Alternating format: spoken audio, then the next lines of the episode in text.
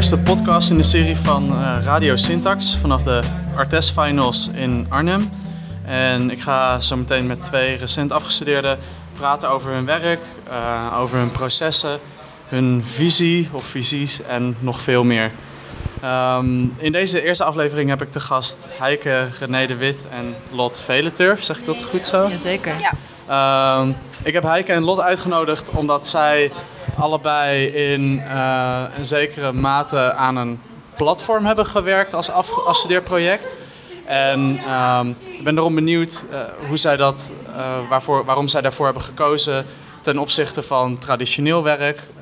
Ook van allebei binnen hun eigen vakgebied. Lot uit creative writing en Heike vanuit grafisch. En um, ja, ik ben benieuwd om van ze te horen waar, hoe ze ertoe zijn gekomen. Ik, be ik begin hier met Heike. Yes. Um, ja, kan je wat vertellen over je project? Ja, uh, mijn project is een, um, een opzet tot een uitgever, Paratext Publishing. En um, ik heb een eigen ruimte voor mezelf waarin, uh, waarin het hoofdwerk eigenlijk combinaties zijn tussen literatuur en academische teksten in de vorm van boeken die aan elkaar zitten. de boekcover is daarin zeg maar, het dragende medium die, uh, die die teksten met elkaar verbindt. Dan binnen de ruimte vinden er ook events plaats, namelijk een boekclub, een lecture, een presentatie samen met Lot ook over een samenwerking van ons. En um, ga ik een reader produceren. En um, ja, het, wat mij interesseert is vooral de ruimte om het boek heen en de ruimte om het lezen heen en het samen leren begrijpen van eigenlijk best wel complexe teksten over postkolonialisme en feminisme. Ja, want jij hebt ook, begreep ik, een, een minor ergens anders gedaan. Kan je daar wat over vertellen? Ja, ik heb een minor aan de Universiteit van Utrecht gedaan in uh, postcolonial theory en uh, gender studies. Uh, ja, dat is echt een super grote soort van verrijking geweest van, van mijn practice. als ik dat nooit had gedaan, was ik nooit tot dit eindwerk gekomen. Dus ja, uh, die combinatie tussen, tussen eigenlijk de content en hetgene wat ik daaraan kan ontwerpen, uh, heeft heel erg geholpen. En naast Heike zit Lot. Hey Oscar. Hi. Vertel eens, wat heb jij gemaakt?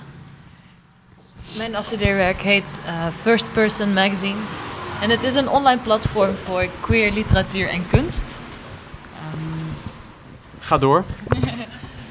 We publiceren ieder half jaar een nieuw nummer uh, met teksten en met audio en met beeld. En er zit iedere, iedere editie zit er een evenement bij en een papieren publicatie. Um, ik vind het heel belangrijk dat er in het Nederlandse literaire veld en groter gezien gewoon het hele culturele veld uh, een veilige ruimte is voor mensen met een queer identiteit om te publiceren. Want Um, vaak zijn heel veel, er zijn wel mogelijkheden, maar vaak word je ingezet als token of dan moet je jezelf heel erg uitleggen. En ik wil juist een plek creëren um, waar iedereen die meedoet al voldoet aan het criterium: um, we zijn queer, dus hoeven ook onszelf niet uit te leggen. En uh, ik ben van jullie allebei wel benieuwd uh, waar de keuze vandaan is gekomen om. Uh, aan een project te werken dat eigenlijk meerdimensionaal is en waarvan de, de, eindvorm ook niet per se vast ligt. Dat het meer een soort van traject is, wat beïnvloed wordt door de deelnemers daaraan. Of dat nou contributies van beeld of van tekst zijn. Um, waar, waar komt die keuze bij jou vandaan? De keuze om in een, in een ander medium te werken, in ieder geval een ja. groter medium bijna te werken dan mijn eigen werkveld. Nou ja, kijk, ik studeer creative writing en het was ook aan het begin van het jaar de bedoeling dat ik ging afstuderen met een, net een novelle, met een, een, een lang kort verhaal. Met een personage dat um, transgender is en, of ja, non-binair. Wat betekent geen man en geen vrouw, maar was dat in eerste instantie uh, je uitgangspunt om aan te werken als afstudeerproject? Ja, zeker. Ik had, uh, maar toen ben ik mijn scriptie eerst gaan schrijven. En dat ging heel erg over representatie van transgender personages en non-binaire personages binnen Nederlandstalige fictie. Ehm, en dat was eigenlijk bar weinig. Er was heel weinig te vinden ehm, wat, laat maar zeggen, niet heel erg violent was tegenover de community. Ehm, dus eerst dacht ik, nou, ik ga daar een fijne plek in creëren. Maar toen ben ik heel erg gaan nadenken over de rol van kunst en activistische kunst. Uh, en toen dacht ik van, ik heb het idee dat ik meer moet doen dan nog een werk creëren. Dat misschien in een niche verdwijnt. Uh, of ergens in een hoekje. En ik wil graag... Ja, ik, wil ook graag niet mezelf op de voorgrond zetten. Ik denk namelijk dat er heel veel verhalen zijn om te vertellen. En mijn verhaal is zeker een belangrijk verhaal. Ik denk dat veel mensen zich zullen herkennen in wat ik zeg. Maar ik denk ook dat mijn verhaal niet het enige is. En ik heb alsnog onwijs veel privileges um, waar ik gebruik van kan maken. Maar waardoor ik wel al ergens ben waar andere mensen nog niet zijn. Laten we zeggen. Ik heb meer het idee dat ik, ik kan mensen meer omhoog... tot een ruimte exact. die andere mensen misschien niet hebben. Dat bedoel ik. Mm. Exact dat je dat privilege dan inzet om een voedingsbodem te creëren of om een uh, platform op te zetten of om bepaalde dingen te faciliteren. Ja, uh, zeker. Van daaruit. Absoluut. Ja, dat sluit eigenlijk best wel mooi aan bij de reden waarom ik ook inderdaad meer een platform-based eh, of, of, een soort van ja, uh, meerdimensionaal based werk heb. Want wat jij zegt, zeg maar, ook het vak waar jij je begeeft, zeg maar, creative writing. Ja, schrijf, tekst en, en schrijven bevindt zich niet in een soort van vacuüm binnen dat boek. En dat, die ruimte daaromheen en die, dat effect van teksten is heel erg... Uh, ja, waar ik in mijn ruimte ook uh, aandacht op vestig. En uh, nou, jullie persoonlijk kennende weet ik dat jullie allebei uh, op jullie eigen manier een bijdrage probeert te leveren ook aan een zekere lokale scene uh, hier in Arnhem door dingen te organiseren? Of uh, kunnen jullie iets vertellen over wat er hier allemaal gebeurt in Arnhem met betrekking tot dat veld? Ja, ik heb Arnhem tot nu toe een hele fijne stad gevonden voor, voor dit soort initiatieven. En waar, waar je mensen heel persoonlijk kent die eigenlijk je weer een stapje verder kunnen helpen of een, een ruimte of platform kunnen aanbieden, zoals Walter Books. Om, Absoluut. Ja, om, om jou, jouw ideeën te hosten eigenlijk. Of, of om daar ruimte aan te geven. En dat vind ik iets heel bijzonders. Je kunt gewoon aankloppen, ook bij dingen zoals Bar de Groen. Zo van, hé, hey, ik wil hier een, een feestje geven. Of ik wil hier een, een film laten zien. En dat is gewoon mogelijk. Je wordt niet echt uh, heel erg gesperd of zo. Er is niet, niet een soort van groot uh, overkoepelend instituut... dat waardoor het door 15 stappen eerst moet. Nee, dat is zeker waar. Nice. Ik denk, het was voor mij ook een hele makkelijke keuze om uh, de lancering van First Person bij Walter Books te houden, omdat dat zo'n chille queer space is eigenlijk. Maar um, in ieder geval ruimte daarvoor biedt. Zeker. En dat, dat, dat zal heel veel meer dan, dan veel ruimtes doen. Zeker, maar ik denk wel ook dat het belangrijk is dat, dat die plekken er nog meer zijn. Omdat ik heb het idee dat de community van de queer community waar ik dan voor wil gaan staan, dat die heel erg versplinterd is. Uh, En ik denk dat heel veel mensen het idee hebben dat ze niet hun familie kunnen vinden of zo. Niet die hmm. chosen family waar het heel vaak over gaat. Dat ze die gewoon niet kunnen vinden. Omdat hmm. het zijn allemaal eilandjes en ik zou die wel meer willen verbinden. Ja. Daarom gaat mijn first person wordt ook. Ja, het is nu begonnen in Arnhem, maar het gaat wel zich verspreiden door Nederland. En ik wil iedere ieder evenement wel op een andere locatie houden. De volgende gaat waarschijnlijk in Utrecht zijn. Ja. Um, zodat je elkaar ook leert kennen en uh, een, een, stevige community kan maken. Ja. Ja, want er is natuurlijk ook een heel belangrijk verschil tussen uh, nou ja, Arnhem uh, en de grote stad, zoals de Randstad. Mm -hmm.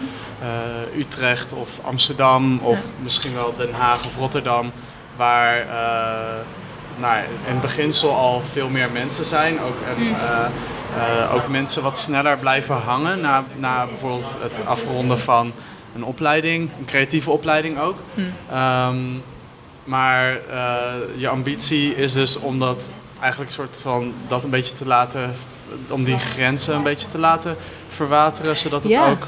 Want ik denk dat er heel veel goede dingen gebeuren. Bijvoorbeeld, ik ben heel erg, heel erg fan van uh, eh, poetry nights. Ik ben zelf uh, ook wel performer. Uh, dus ik ken wel bepaalde kringen waarin dat gebeurt. Bijvoorbeeld, je hebt uitgesproken queer in Utrecht. En je hebt bijvoorbeeld een plek zoals Tender Center in Rotterdam. En daar gebeurt gewoon heel veel. En ik zou het zo zonde vinden als dat gewoon losse dingetjes blijven. Ik wil dat heel graag naar elkaar toe trekken.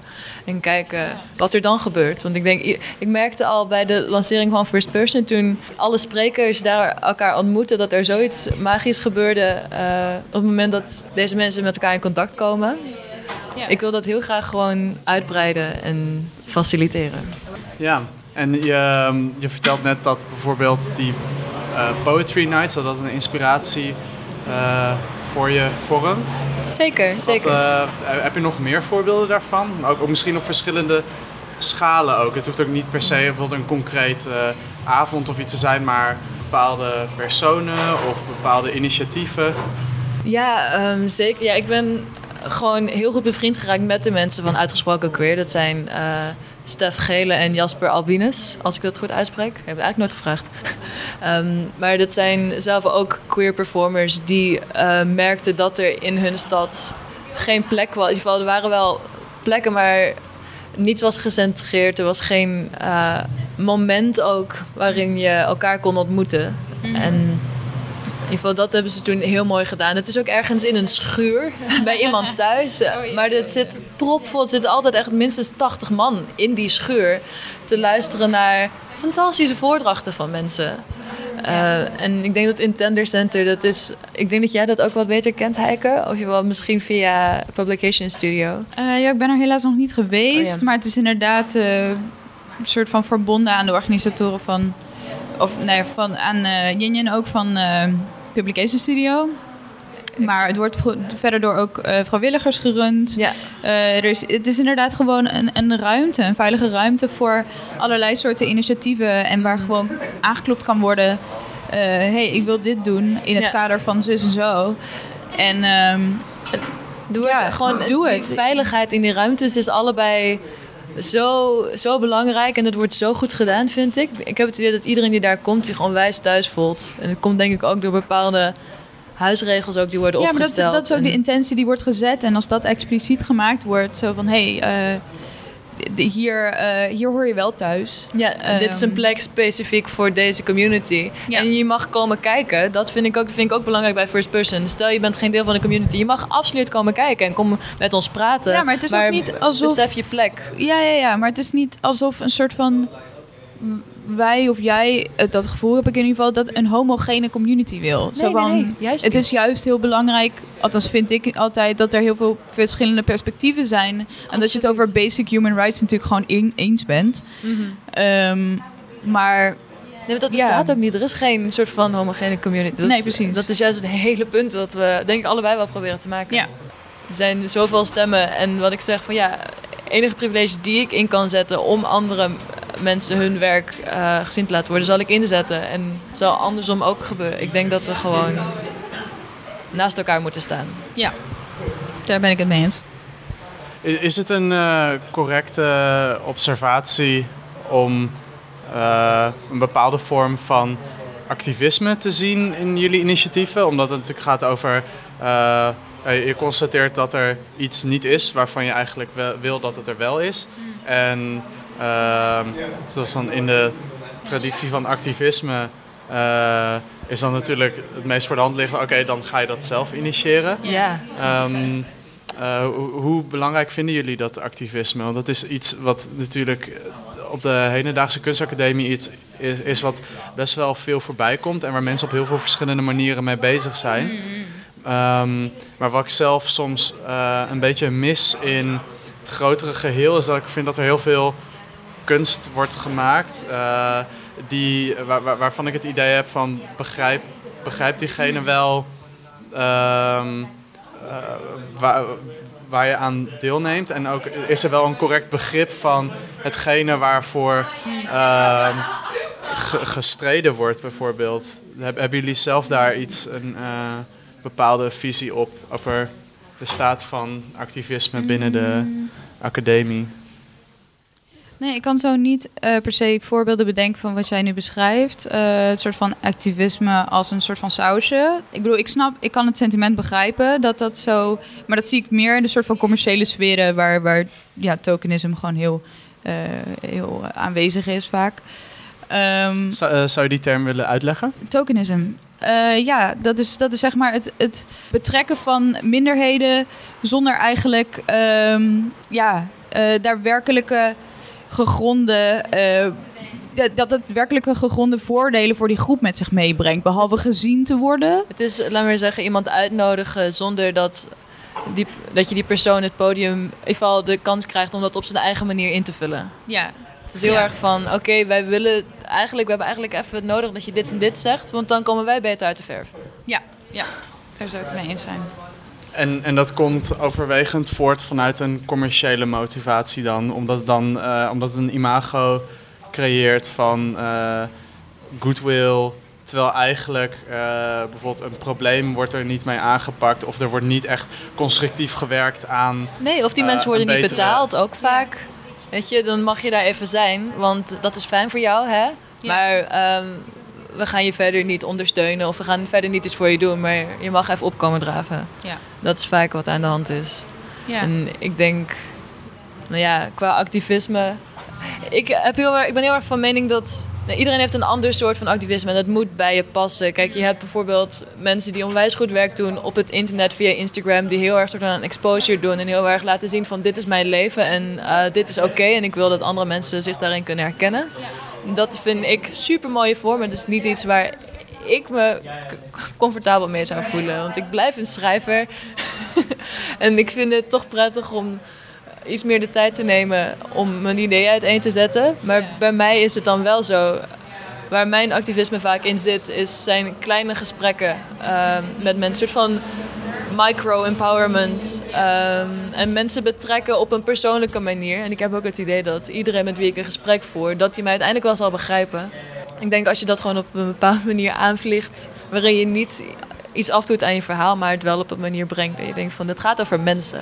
Ja, ja. Daarom wil ik ook tijdens de evenementen heb ik met iedereen eh, een gesprek gevoerd over het werk. En dan vaak dragen mensen ook nog wel iets voor, maar juist door dat persoonlijke verhaal, geval, en het hoeft niet per se over, over gender te gaan, eh, of over iets, maar ik denk als je gewoon iemand hoort praten over wat hij super vet vindt, Ja. Dan denk ik- dat is zo mooi. eigenlijk in het zelf ook activistisch. Sorry. Ja, dat is denk ik activistisch. Dat je gewoon aan mensen de kans geeft om te praten wa- waarover ze vet, waar, waarover ze zich onwijs gepassioneerd voelen. En Ja. dat is activisme voor mij. Ja, nee, voor mij, eh, ik, ik, ik ga met je mee inderdaad in het Instagram eh, activisme. Het, het is iets wat mij heel veel leert, Ja, same. maar eh, het, is, het is niet een manier van, van, van werken die ik zelf eh, eigenlijk zou willen of wil.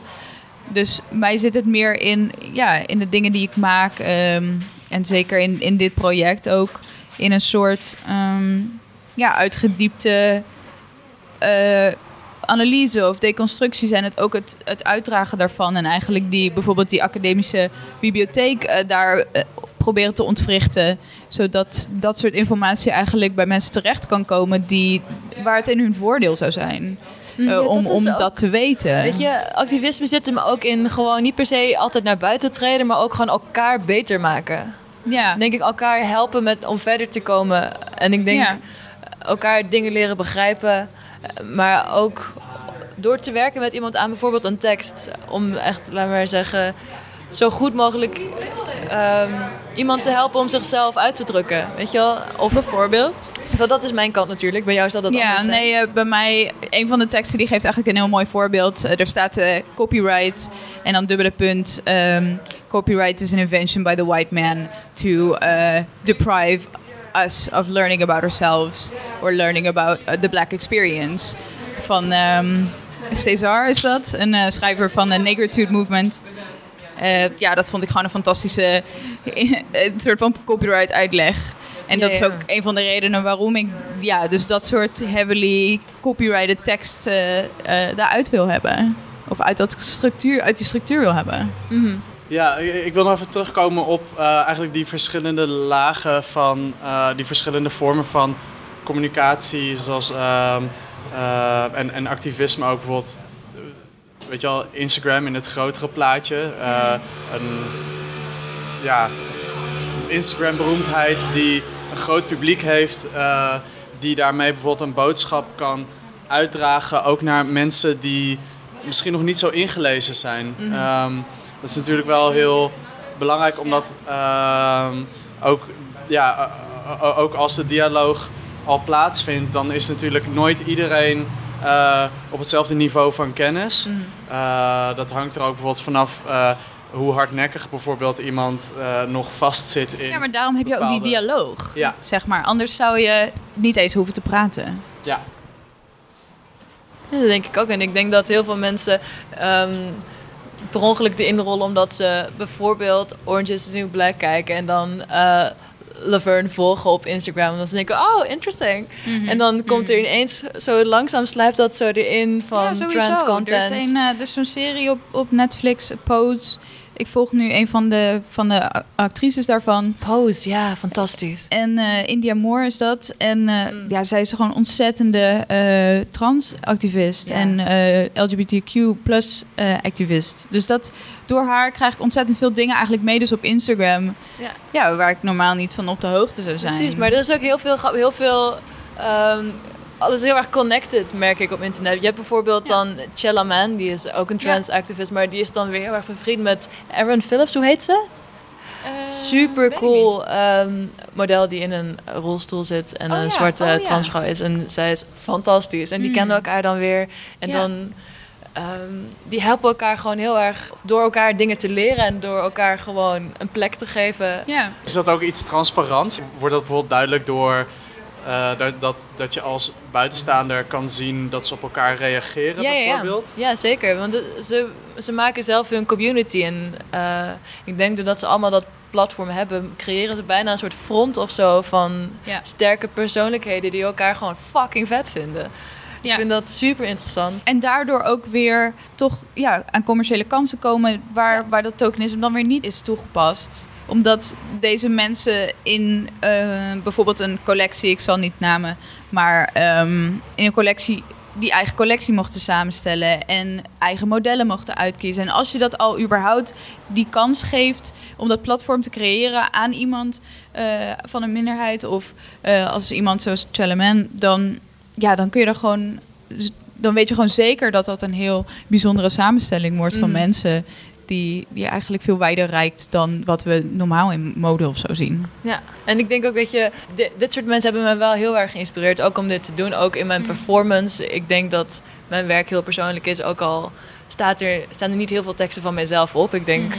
ehm, ik ben bijvoorbeeld heel erg geïnspireerd geweest door Dorian Electra, die Oh, eh, een supercool non-binary persoon is die muziek maakt. Ja. Oh, ja, het is fantastisch. Ga Career Boy luisteren. Je krijgt het niet uit je hoofd. Het is echt heel goed. Maar dat is wel de basis, omdat je dat dag in dag uit wel tot je neemt. Dat, je ziet gewoon Ehm, dat iets kan. Ja, Zo van, dit mag gewoon. exact. En ik denk dat ik, ja, ik probeer dat op literair gebied. Een heel, ander, heel andere schaal. heel ander publiek ook. Maar ik probeer wel een vertaalslag te maken. Ja. In die zin. Hey, en om eh, nog wel even terug te komen naar jullie eigen werk. Eh, d- dit zijn natuurlijk jullie afstudeerprojecten. Eh, dus jullie hebben er hier nu vier jaar op zitten. En nou, als ik zelf terug... Vijf, Bij vijf. excuus. Soms duurt het iets langer, dat is oké. Ehm, Minors, hè? Nou ja, en ik, ik, waar ik zelf eigenlijk per jaar achter kwam, was dat eh, nou, je bent best wel hard aan het werk. En soms dan denk je ook van hoe ga ik dit in godsnaam allemaal afkrijgen? Waar moet het vandaan komen? En aan het einde van elke rit, dus bijvoorbeeld bij elke schouw, dan denk je, hé, hey, ik heb eigenlijk verdomde veel voor elkaar gekregen. En ehm, eh, opgestoken. En ehm, z- zien jullie eh, dat ook in jullie eigen projecten van het is nou, natuurlijk niet dat je vanaf het eerste jaar als al naar je afstudeerproject toe bouwt, maar ehm, is het een beetje een reflectie van een groei- en leerproces? ehm? Ja, zeker, zeker. Ik heb de afgelopen... Die, die, die vraag kreeg ik ook gisteren bij mijn examen. Zo van, hoe lang denk ik eigenlijk al over dit project na? En ik denk dat ik al twee jaar soort van in mijn hoofd aan het borrelen ben van... waar wil ik mee afstuderen? Wat, wat wil ik neerzetten waar ik trots op ben? Wat, wat mijn eh, praktijk een soort van inleiding kan geven? Dat, dat vond ik gewoon een heel, eh, heel exciting idee, zeg maar. Dat, dat mensen mijn werk gaan zien en dat het echt voor een show is. En dat het eindelijk echt is. Want ja, soms op de kunstacademie voelde ze van... oké, ik doe dit voor de leraren en dan? Dan wat of zo? Dat, dat is ook hetgene wat me inspireerde om dingen te organiseren in Arnhem... of zeg maar buiten de academie. Zo van, ik vind dit heel belangrijk en ik zou dit graag willen delen. Op een andere manier dan alleen in, in de academie. We hadden het net toch ook over. ehm, dat we zeiden van sommige mensen vragen... Oh, wat ga je hierna doen? Dat is natuurlijk een stomme vraag om te stellen. En dat we toen allebei zeiden van... Nou, als je daar Ik heb nu er echt geen zin, in in, hebt... Als je ja. er geen zin in hebt, heb je het gewoon niet goed gedaan. Hoe, hoe bedoel je? Nou, ik heb zoveel zin om dit platform uit te gaan breiden en helemaal uit te werken. Het is echt iets. Echt, ik denk toen ik een jaar of acht was, dacht ik al van ik wil een tijdschrift maken. Ik had een abonnement op de Flow en op de Tap toe. Hele goede ja. tijdschriften voor kinderen. En ik vond dat toen al fantastisch. En door de jaren heen is er gewoon queer content bijgekomen. en uiteindelijk is het verworden tot dit. Maar ik heb. Dit is echt alleen nog maar het begin. Ik weet nu al alles wat ik anders zou doen. Hmm. En wat ik beter wil doen. En het wordt gewoon super nice. Ik, ik vind het persoonlijk heel tof dat er een heel ander ontwikkelingsproces achter schuil gaat dan de meeste projecten. eh, natuurlijk iedereen zijn eigen ding. Eh, niet iedereen hoeft een platform natuurlijk op te zetten. Ehm, maar ik, ik ben, ben er gewoon benieuwd naar, omdat zoals ik zelf bijvoorbeeld mijn afstudeerproject heb ervaren, is eigenlijk van oké, ik doe het eigenlijk op dezelfde manier als normaal, maar dan neem ik meer de tijd voor alles. Het wordt eigenlijk gewoon een, een XL-versie ervan. Juist, ja. ja. Ehm, en dan ga je uiteindelijk door een soort van rollercoaster heen Mm. van, dingen van, van ambitie naar eh, frustratie, Oh naar eh, weet je, wel, technische problemen misschien. Dat, eh, Mm. ehm, ja, maar zeg maar, onze werken zijn denk ik ook XL-versies. Ja. Zeg maar, eh, vorig jaar of twee jaar geleden heb ik eh, de, de essays van medestudenten geëdit, eh, ontworpen. Zeg maar, en eh, ik heb een queer movie night georganiseerd vorig jaar. Een soort van, de, de, er was al wel aanleiding tot dit, tot dit project. En dit is inderdaad gewoon de grotere versie eigenlijk. En de e- soort van echtere versie. Mm, zeker, normaal gesproken. Kijk, ik schrijf nu heel veel essays, maar ik heb altijd heel veel teksten en poëzie geschreven over het lichaam en over hoe je je verhoudt tot jezelf en, en anderen. En over. Ik schrijf, ik schreef heel veel over seks en over wat dat betekent. En, eh, en toen ben ik stage gaan lopen en toen ben ik bij Le, ja, Lebowski uitgekomen. En dat is dan weer een grote uitgeverij in Amsterdam. En daar heb ik dan weer goed leren editen. En dat, Precies, en ook waarschijnlijk gewoon meegemaakt hoe zo'n eh, structuur in elkaar zit. Ja, absoluut.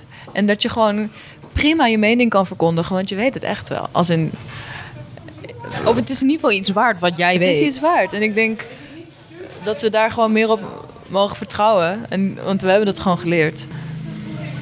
En zijn er een aantal specifieke momenten eh, gedurende de tijd eh, hier op de academie geweest, waarbij een soort van die bepaalde pieken als leermoment waren? Dus waarbij eigenlijk de soort van de concentratie van materiaal eh, of van nieuwe kennis zo hoog was dat het eigenlijk een soort van boost was die normaal een groei veroorzaakt over een langere tijd. Zijn er specifieke momenten die je nog kan herinneren die je hebt meegemaakt? Bepaalde projecten waar je aan hebt gewerkt? Of Ehm, ja, een soort van bij mij, ik kan ze allemaal wel een soort van op twee handen tellen, dat soort momenten. Eh een daarvan is zeker ook mijn stage bij Publication Studio Rotterdam. Ik heb daar gewoon heel erg geleerd hoe het is om zo'n space te runnen en hoe het is eh, om eh, events te organiseren, ook wel, ook wel buiten die ruimte, workshops te geven. Dat, ja, dat is kennis die ik gewoon daarvoor helemaal niet had en die me eigenlijk heel erg aansprak. Ja, bij mij is het ook vooral eh, op de moment dat ik buiten de opleiding ben getreden. En dat je gewoon alles in het echt aan het doen bent. Dat zijn echt zo die dat je die momenten. kennis zeg maar meteen kan toepassen. Exact, dat en dat je dan daardoor hebt wat je eigenlijk geleerd hebt. Exact. Van op het moment dat ik dan voor de eerste keer ging voordragen, bijvoorbeeld, dat was ook. Dan dacht ik van, oh ja, ik kan wel een gedicht schrijven. En dan de volgende stap is van, oh, ehm, ik heb deze avond georganiseerd. De laatste stap is, ik heb deze hele avond georganiseerd en geproduceerd en gepresenteerd. En ehm, Ja. ik denk dat daar bij iedere keer, als je ineens weer terug bent in het echte leven, eh, Ja, dat je- die, dat afwisseling van die ruimtes inderdaad. Ja. Zo van, ik ben dan ook naar de universiteit geweest, daar heb ik heel veel geleerd en dan weer hier eh, toegepast. En dan, dan, dan inderdaad, dan sneeuwbad dat heel snel, omdat je het meteen eigenlijk weer verwerkt eh, op een manier die dan visueel is of aan de andere kant textueel is. Eh, dat is super fijn. Ja, en, en wa- wat ik net ook eerder noemde was eh, met betrekking tot dat de ja, activisme, bedrijven als kunstenaar, wat in een zekere zin soort van wel ook wel past binnen een bepaalde trend van als kunstenaar ga je dan de rol innemen van socioloog of eh, iets van een compleet ander vakgebied, wat vaak dan bijvoorbeeld over het algemeen wat meer academisch benaderd wordt, of wetenschappelijk bijvoorbeeld. Maar ehm, ik denk juist dat op het moment dat je met dat soort dingen bezig bent en je gaat daar ook naar kijken vanuit een andere omgeving dan die academie, dan word je er ook wat kritischer op. Omdat vanuit andere omgevingen, andere instituten, bijvoorbeeld zoals met de universiteit of. Vanuit een uitgeverij, Ja. of, eh, dat zijn allemaal plekken waar er misschien ook wel op een andere manier op gereflecteerd wordt. En ik denk dat het heel belangrijk is om, zeker als je een rol aanneemt die niet eh, van die traditioneel eh, heel anders benaderd wordt, dus zoals ik zei, academisch of wetenschappelijk, dan moet je daar wel op reflecteren in, met een bepaald bewustzijn van ik werk hier aan overwegend als kunstenaar. Want ik ben, eh, eh, ik heb bijvoorbeeld bepaalde onderzoeksmethoden, die moet ik zelf uitvogelen of die, eh, die, die, doe ik die, die voer ik anders uit dan hoe dat over, het algemeen gedaan wordt. Ik vind dat, ik moet zeggen, het soort van, ik zie mezelf totaal niet als kunstenaar. Zeker omdat ik grafisch ontwerp heb gestudeerd. Dat is, dat is een vakgebied wat, wat zichzelf eigenlijk niet zo gauw als kunst bestempelt. Omdat het toch ergens een. eh, ik bedoel niet dat kunst geen toepassing heeft, hè, maar, ehm, of zou kunnen hebben. Maar grafisch is het toch echt vooral toegepast. Het wordt wel autonomer en het, het is een werkveld dat heel erg eh, flexibel en, en fluïde is. Maar ehm, ja, er wordt ook heel veel gesproken over de graphic designer as researcher en die soort van eh, toegevoegde termen. Maar ja, ik vind het gewoon heel interessant dat, dat ik met deze studie eigenlijk, of gewoon in het leven, eh, platformen krijg om, om dingen op mijn eigen manier te doen en dingen te onderzoeken. En eigenlijk geen vaste. Ik ben, ik ben center stage graphic design en daar komt, komt een soort van van alles omheen. Eh, Ik vind het heel fijn om tussen die ruimtes dus te bewegen en daar iets aan op te steken. Daar, daar, ja, daar dingen van op te steken en die met elkaar te verbinden. eh, zonder een soort van hiërarchie. If that makes sense. Ik- Dat snap ik heel goed. Ik denk ook, ehm, ik wil nog heel even terugkomen op wat je zei over de, dat er buiten stappen. En dat voor jou is het heel erg die academische omgeving geweest, waarin je echt ging reflecteren op deze thematiek en op wat jouw rol daarin is. Maar ik denk dat het bij mij op een veel kleiner persoonlijker vlak heeft plaatsgevonden. Op het moment dat ik die community echt vond door naar die avonden te gaan, door naar feesten te gaan. Want vaak ontmoeten queer personen elkaar op een feest. Wat een Ja, ja. heel gek discours met zich Een soort van meebrengt. het nachtleven. Exact, het is een heel ander cultureel discours dan bijvoorbeeld het literaire veld. Ehm, en dat was dan voor mij ook weer een reden om heel erg te gaan reflecteren van wat is mijn rol daarin als maker.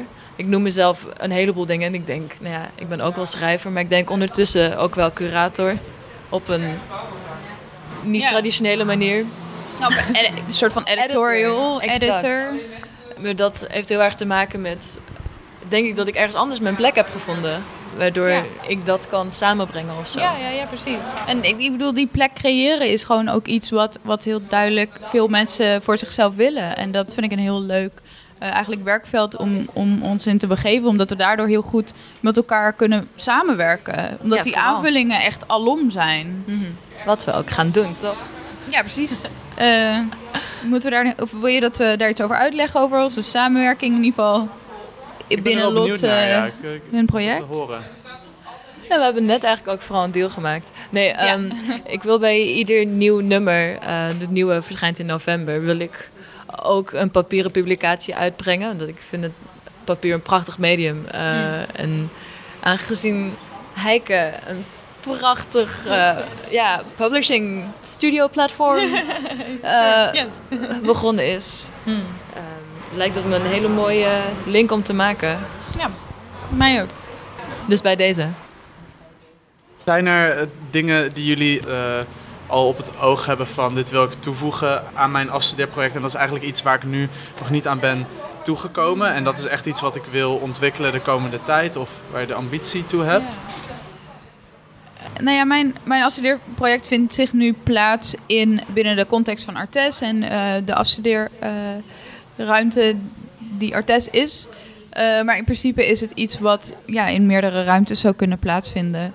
Dus daar, daar wil ik zeker over na gaan denken. Maar ik bedoel, voordat ik überhaupt zo die, die ambitie wil najagen, wil ik eigenlijk wel meer uh, ervaring opdoen bij een uitgever of een master doen. Dus bijvoorbeeld voordat ik die hele onderneming begin, ik ben daar veel te jong voor.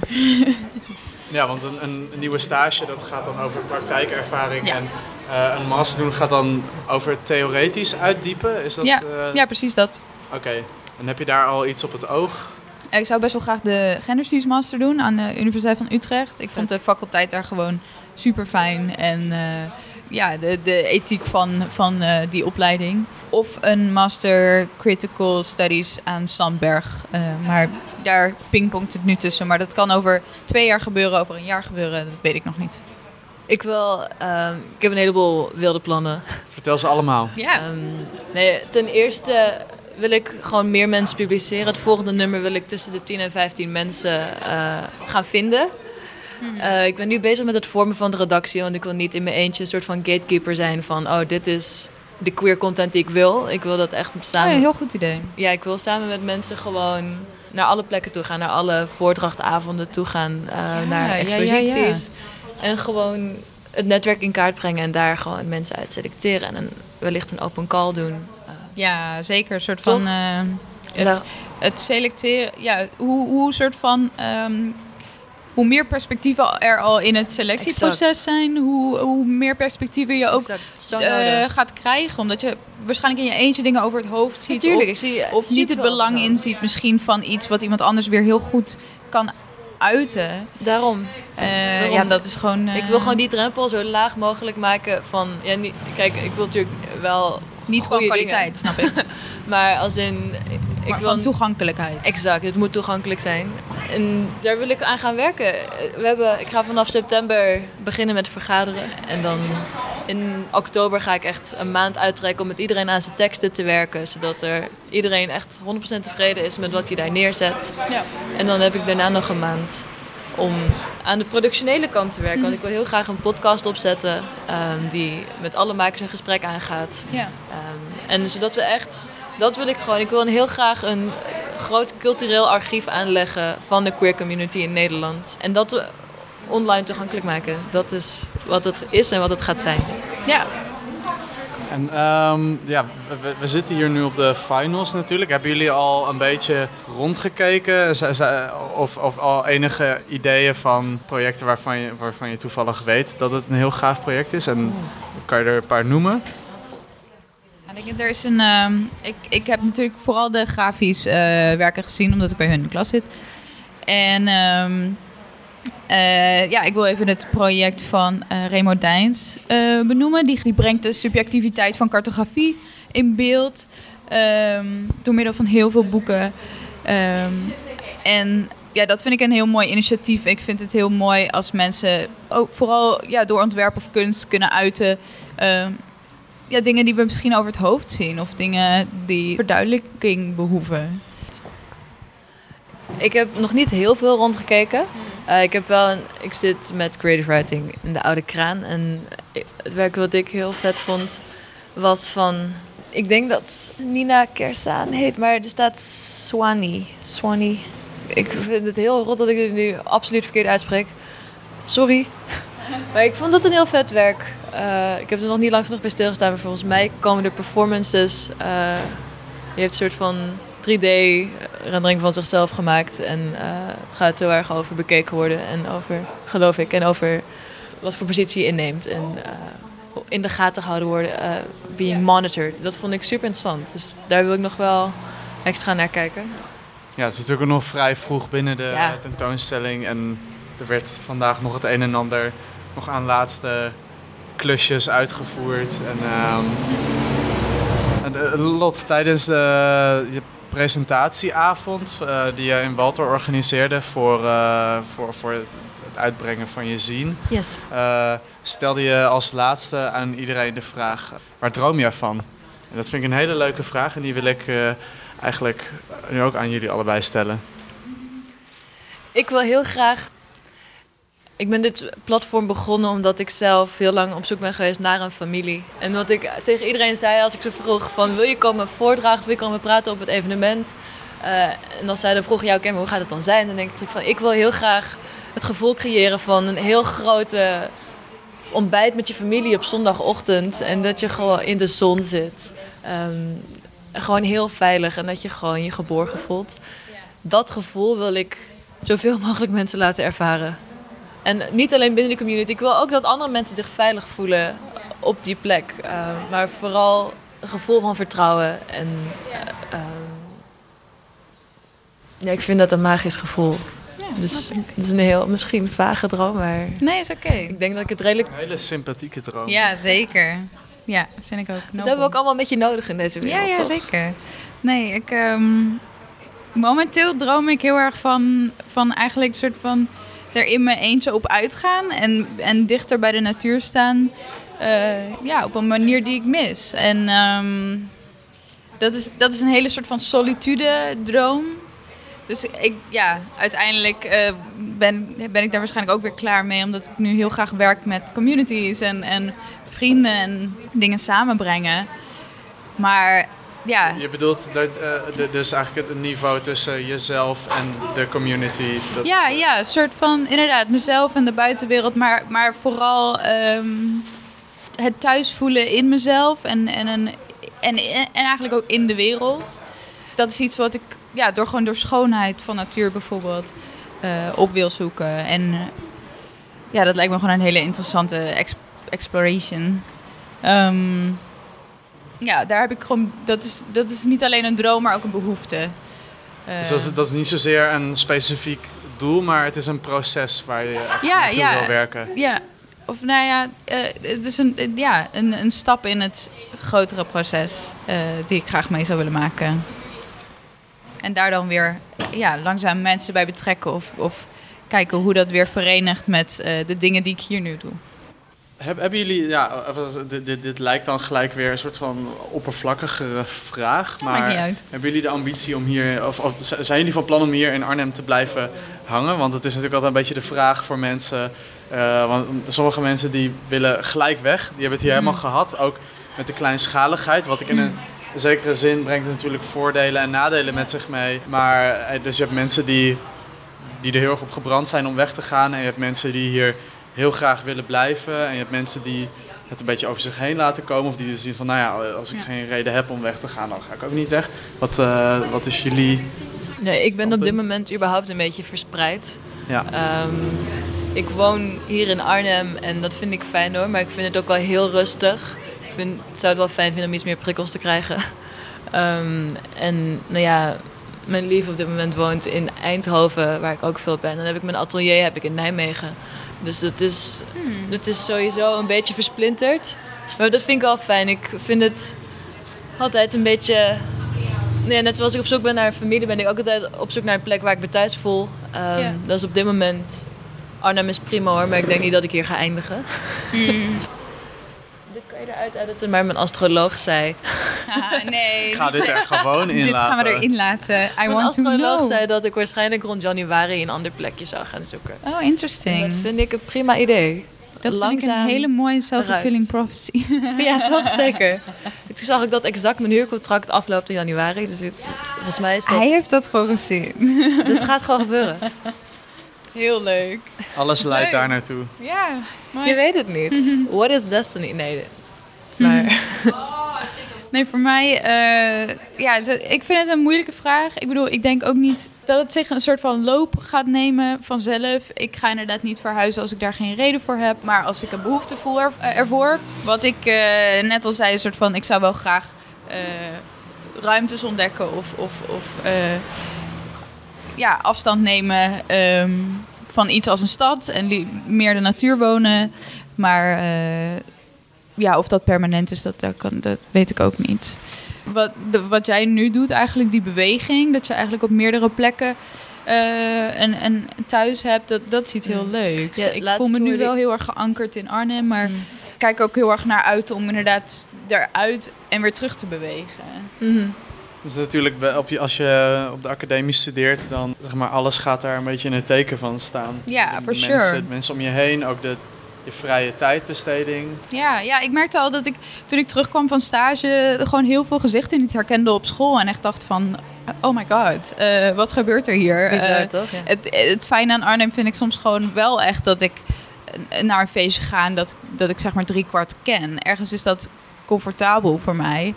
Ehm, en hoe is dat dan inderdaad als je afgestudeerd bent? Er komen zoveel nieuwe mensen bij. Eh, maar die kun je ook allemaal leren kennen. Dus dat eh, maakt eigenlijk niet zoveel uit. Ja, ik verveel me gewoon heel snel. en eerlijk gezegd, ik hou ook heel erg van verhuizen. Ik ben best veel verhuisd. Nee, echt, ik vind het heerlijk. Huizen, verhuizen, daar ben ik echt, eh, daar hik ik altijd Drama. verschrikkelijk tegen op. Echt? Nee, ik vind het heerlijk. Want je kan iedere keer opnieuw een plek maken voor jezelf. Ja, Exact hoe jij dat wil. ja daar heb En dat vind ik zo'n empowering act of zo. Wil je Dat- mij helpen verhuizen? Ja. Ik moet 10, ja. 10 juli verhuizen. Lot je. verhuisservice. Nee, geen grap. Ik ben er heel goed in. Ik bedoel, ik ben niet extreem sterk, maar ik kan heel goed dingen bouwen. Ik kan eh, best goed boren. Top. Oké. Ben je, ben je impulsief? Ik was impulsiever dan ik nu ben. Maar ik hou wel van verandering. Zeker. Hmm. Maar Dat is ik- echt super gezond. Ja, maar ik doe geen domme dingen meer. Maar het is wel dat als ik denk van dit vind ik oprecht een heel goed idee, dan ga ik dat wel doen. Dan Fair heb ik geen zin om daar heel lang over te twijfelen. Dan hak Ja. ik de knoop door en dan ga ik het doen. Ja. Is, is dat iets wat je gedurende de tijd op de academie een beetje hebt afgeleerd Oh ja. om op het impulsieve af te gaan? Ja. Ah, ik, ik herken het ook in Ik dacht mezelf. of, ehm, niet per se, ja wel om erop af te, om te vertrouwen erop van, Hmm. hey, het komt goed en je kan v- vertrouwen op wat je interessant vindt. Ehm, Hmm. Want je intuïtie is gewoon heel sterk. En Ja. ik denk dat En belang- eerlijk. En eerlijk, ja. Weet je, als je een onderbuikgevoel ergens bij hebt, op een positieve of negatieve manier, dan denk je dat je dat moet volgen. Ja, ik dacht, eh, aan het einde van de derde dacht ik al, ik wil eigenlijk wel een platform oprichten. Toen werd ik er heel erg zenuwachtig van. Ja, en toen ja. dacht, ging ik daar eigenlijk vanaf en toen heb ik een half jaar geprobeerd iets te doen wat ik eigenlijk niet wilde. En ja, soms moment- voel je eigenlijk al de grootsheid van een idee of van, Ja. een, van, een, van een, inderdaad zo'n onderbuikgevoel voordat je Mm. daar eigenlijk aan toe wil geven. Ja. ja, en dan moet je eerst even wel ergens doorheen ploeteren van, om zeker te weten dat dat niet is wat je wil. Maar op het moment dat je die keuze maakt, moet je er wel gewoon 100% voor gaan. Dat is wel Ja. belangrijk. En jij, Heike? Dus zo- zoals, zoals ik je ken, ben je altijd heel wel overwogen. Maar is er ook nog een impulsieve, ongecontroleerde kant van jou? Die, die je ook op... Eh, nee, nee, ik ben eigenlijk best wel een gecontroleerd persoon. Ehm, ik, kreeg, ik, ik krijg al heel lang te horen dat het echt klinkt alsof ik mijn woorden heel goed afweeg. Ehm, ja, ik weet, ik weet niet zo goed. Het klinkt misschien heel saai. Ik hoop dat ik niet saai ben. Maar ik ben, niet eh, saai. Ik ben best wel wel overwogen. En ik kan soms ook echt best wel slecht tegen verandering. Maar ja, zoals ik bedoel, wat, wat ik net met Lot heb besloten, een soort van hulp van de anderen helpt altijd. En het is, het is wel iets wat gewoon het, doorgaat en aangewend kan worden. En ik uiteindelijk eigenlijk heel veel lessen uithaal, meestal eh, uit verandering. Dus de, de afstudeerprojecten worden, tegelijk, worden tegelijkertijd ook nog steeds gewoon leerprocessen in een zekere zin. Zeker, zeker. Zeg maar, door dit project heen überhaupt al heb ik heel erg gemerkt dat, dat ik... eh, ik kan best wel slecht tegen feedback ontvangen op het moment zelf. Ik ben best wel koppig. Maar ik merk dat ik eigenlijk heel veel feedback die ik heb gekregen in het project heb verwerkt. En die, die omhaalslag in eigenlijk ook mijn zelfbeeld... Ja, was eigenlijk heel interessant. Zo van, hé, hey, ik luister eigenlijk wel. Mm. en dat, dat, ja, eh, ik ben niet alleen koppig. Wat, wat vind je dan lastig aan het ontvangen van feedback? Eh, het voelt altijd eh, voor mij persoonlijker dan het, dat het is bedoeld. Omdat, omdat mijn werk heel persoonlijk is. Of omdat ik mijn werk heel eh, ja, soort van serieus neem. Ja, komt het ergens soms hard aan. Terwijl iemand me duidelijk gewoon probeert te helpen en probeert te verbeteren. Maar dat is dus weer inderdaad die verandering die ik dan moeilijk vind. En moeilijk vind om te accepteren dat iets dan dus anders kan. Of dat ik niet ja, dat ik het op dat moment dat het niet goed genoeg is of zo. Terwijl dat wel is, maar het kan beter. Ja, en het is natuurlijk eh, zeker als je, als je nog naar een, eh, als je in een leerproces zit zoals dat door een academie gefaciliteerd wordt, dan moet je natuurlijk een balans vinden tussen je eigen weg vinden, maar wel openstaan voor Ja. kritiek, maar tegelijkertijd ook niet doen, niet alleen maar doen wat, de, eh, wat anderen in je willen Ja, zien. ja, die eigen stem wel- vinden, Dat is inderdaad. een best wel lastige, omdat kritiek kan soms overkomen op een manier waar- waardoor je denkt van, ah ja, als, als dit wordt genoemd, dan moet ik dit doen, want anders is het niet goed. Want iemand ziet dat dit bijvoorbeeld ontbreekt daaraan. Ja. Of niet dat dat ermee geïmpliceerd wordt, maar dat, Ja, ja, dat is iets wat, wat je zelf kan, erin kan zien. Ja. Maar hoe sterker ik ook zelf in mijn schoenen sta, hoe duidelijker ik ook dat, dus dat zie. Van dit is gefundeerde kritiek en hier kan ik iets mee. En dit is iets wat ik niet wil veranderen. En die soort van eerlijkheid naar mezelf, maar ook naar anderen, hun perspectieven. Van ja, die eerlijke afweging maken en niet, niet alles soort van maar ontwijken eigenlijk. Oh, dat ontwijken. ja, Oh. dat ontwijken. Dat is gewoon, dat is gewoon in de geleerd, hoop of in de veronderstelling dat eigenlijk iedereen gelijk heeft en jij het niet wil horen. Of althans, zo voelt dat bij mij. Zo van iedereen weet het beter en eh, help. Ja, dat, I don't know. mm. De eer, in de eerste twee jaar of zo, de eerste drie jaar misschien zelfs, was ik helemaal niet zo, was ik niet zo maker als dat ik nu ben. Ik voel me veel sterker in mijn schoenen. Wat, eh, wat was je toen dan? Nee, gewoon jong en ongevormd en eh, echt een soort van wil, in de wilde weg geïnteresseerd, maar gewoon niet zonder. Er was geen fundering. En, en bijvoorbeeld die, die minor heeft ook heel veel fundering eigenlijk aangebracht aan dingen die ik al wel voelde of dacht, maar die eigenlijk ook beschreven konden worden als, als werkelijke processen van denken.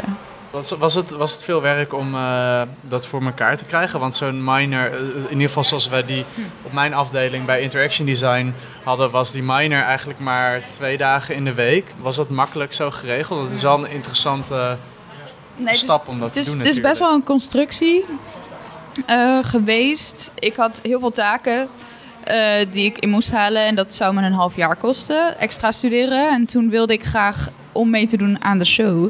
eh, heb ik ervoor gekozen om nog een half jaar erbij aan te plakken. Ehm, en dat lege half jaar heb ik gebruikt om vakken te volgen aan de universiteit. Ik had hier geen verplichtingen, ehm, dus kon ik me inschrijven. Ehm, ik betaalde hier collegegeld en ik heb dat bewezen aan de Universiteit van Utrecht. En daar eh, mee in kunnen schrijven voor vakken door hun, zeg maar, web, eh, ELO, whatever. Het was in principe, ja, ik moest wel gewoon een handtekening hier van de hoofddocent. Ehm, en dat, dat soort van met heel veel papiertjes regelen. Maar ja, het was gewoon hetgene wat ik wilde, dus dan doe je dat gewoon. Mm. Tuurlijk. Ik weet niet of het voor iedereen mogelijk is trouwens. Ehm, dat moet je echt heel erg zelf eh orchestraten. Maar als je dat wil, moet je dat doen. Ja, dat weet ik ook niet. Maar ik denk, als, als ik dat zo hoor, dat, dat, dat het voor jou echt een soort van puzzelstukje is geweest. Ja. Dat je echt ergens anders vandaan moest halen. Ja. Denk ik dat eh, als je weet dat, dat je daar baat bij zou kunnen hebben, dan, dan denk ik dat dat voor iedereen wel de moeite waard is. Om, Ja. eh, Zeker als je gewoon als mens heel erg tussen structuren in bevindt. Eh, wat eigenlijk ieder, iedereen, voor iedereen geldt. Maar voor mij is dat een heel voelbaar, eh, voelbaar iets. En iets wat me heel erg beweegt om, om dus ook de hele tijd te wisselen. Ehm, ja, dat, dat, ik merkte dat ik heel erg behoefte had aan, aan een theoretische achtergrond. Of ondergrond eigenlijk. Ehm, en dat dat iets is wat hier, hier zeker gegeven wordt. Maar, ik, maar ja, waar ik verder op door wilde bouwen. Ik kan, je, ik kan je eigenlijk vooral aanraden om, stel je wil niet een theoretisch kader per se eh, erbij, dat je dan gewoon alles moet doen wat je echt het allerengste ooit vindt. ik ben namelijk echt een jaar geleden had ik nog een Nokia en was ik echt helemaal anti-technologie. En nu ben ik afgestudeerd met een digitaal platform waarvoor je de hele tijd met mensen moet communiceren en e-mailen. En nou, bellen vond ik wel leuk, maar de hele tijd met elkaar in contact moet staan, dat ik, vind ik normaal gesproken verschrikkelijk. Dan heb ik het idee dat, nou ja, ik heb gewoon onwijs mailangst. En mijn hele afstudeerwerk was nu mailen. Maar dan, door iedere keer iets te doen, heb je ineens zo'n catharsis. Gewoon iedere ochtend als je je mailtje hebt verstuurd. Ja, ja, ja, ja. Nee, klopt. Events organiseren en eigenlijk het moment dat dat dan plaatsvindt, vind ik doodeng. Vind ik gewoon heel het is eng. verschrikkelijk. Tot het moment dat het gebeurt, denk je, ik wil dit nooit meer. En op het En dan- moment dat het gebeurd Ja, is, dan ja, denk ik, ik wil dit morgen weer. Ja, en dan komt het goed en dan denk je, oh fuck, ik heb dit gedaan. Oké, en weer verder. Wa- wa- Was dat, een, eh, was dat een noodzaak om dat te veranderen aan jezelf? Om, om daar, Ja. dat, dat was eh, op het moment dat je, eh, nou ja, om het maar zo te zeggen, dat je nog een Nokia had. Eh, eh, en toen wist je van, oké, ik wil een platform gaan maken. Mhm. is, dat toen, is dat toen een beetje gelijk opgegaan? Of, Nou, ik heb heel veel hulp gehad aan mijn begeleider. Ja, ik ben daar gewoon nog steeds niet het allerbeste in. Ik zal af en toe, als je me een mailtje stuurt, heus niet meteen dat dezelfde dag beantwoorden. Dat is gewoon niet hoe ik ben. Maar het is wel iets waarvan ik wist van, dit is iets wat ik moet leren om een betere maker te worden. Eh, want het, het moet gewoon. Op het moment dat je als, nou ja, als hoofdredacteur van een tijdschrift verantwoordelijk bent voor wat er uiteindelijk gemaakt wordt. Eh, niet natuurlijk per tekst, maar als in wel van wat er uiteindelijk naar buiten komt, dan, Ja. dan moet je gewoon, weet je, you gotta step up your game. En Ik vind het eigenlijk wel heel slim dat je eigenlijk een structuur voor jezelf bedenkt die je heel leuk vindt, maar waar eigenlijk een hele grote angst een onderdeel van is. En dat je daardoor eigenlijk die angst tackelt. Met een kader dus van hele leuke dingen. precies, Dat is echt, vind ik echt heel slim. Ja, het heeft heel erg geholpen. Want als ik nu dit moest gaan leren omdat ik op een of andere 9 tot 5 eh, redactie eh, moest zitten. Want Ja. tijdens die stage die ik liep, was ik natuurlijk ook de hele tijd op kantoor. Het enige wat ik deed was mailtjes sturen en teksten lezen. Precies. Maar het is niet dat ik daar heel veel voldoening uit haalde. Nee, ja, ja, ja. Terwijl, Maar wel oefening. Wel oefenen, wel oefenen. Ik kan heel goed een heel beleefd mailtje sturen. Met wil je alsjeblieft nu dit aanleveren? maar dat is een hele goede vaardigheid, want ik merk dat nu wel als eh, afgestudeerde die af en toe een keertje een factuurtje moet sturen. ja, ja, ja. Eh, Geliefd binnen twee weken te betalen. Ehm, Ja, ja, ja. En er ook achteraan te gaan en het allemaal niet persoonlijk te maken. ja, ja, ja. Maar, maar tegelijkertijd ook wel iets af te dwingen. Eh, vriendelijk, maar duidelijk. Ja, dat, dat is natuurlijk wel iets waar, je als afstudeerder vatbaar voor bent. Ook bijvoorbeeld voor eh, klussen die weinig geld, maar wel exposure is. Eh, ja, ja, ja. Dan, eh, dan Ja. ben je natuurlijk als ja, recent alumni wel eh, geneigd om er alsnog ja tegen te zeggen. Want ja, het is wel een podium gelijk na je afstuderen. En dat is toch eigenlijk wel heel fijn als, Ja, je, maar dat, ja. als je dat aangeboden krijgt. Nou, het ligt heel Ja, erg aan het podium hoor. Het ligt aan het podium en wie het aanbiedt. Bijvoorbeeld, Lot biedt me natuurlijk nu, of zo, zo straks, aan om samen te werken aan de volgende publicatie. Dat, dat is iets waar ik heel erg eh, achter sta. Dat is iets wat ik heel, eh, ja, een belangrijke samenwerking vind. Jij bent niet een bedrijf die eigenlijk wel het geld zou hebben om mij goed te betalen. Nee, en als maar je dat het hebt, niet krijg je doet. het, weet je. Ja, precies. zeg maar, eh, het, het, gaat, ja, het gaat mij ook heel erg om, om wie biedt het aan en eh, hoe staat het in verhouding met wat ze me kunnen geven en wat ze me eigenlijk geven. We hebben er een eh, uurtje op zitten. En Ja, eh, ik vond het een heel leuk gesprek. Ik hoop dat jullie dat ook vonden. En eh, Zeker. Ja, veel succes de komende dagen ook. Dankjewel. Eh, Ik ben benieuwd waar het allemaal naartoe werkt de komende tijd. Goed. Dus, eh, dank jullie wel.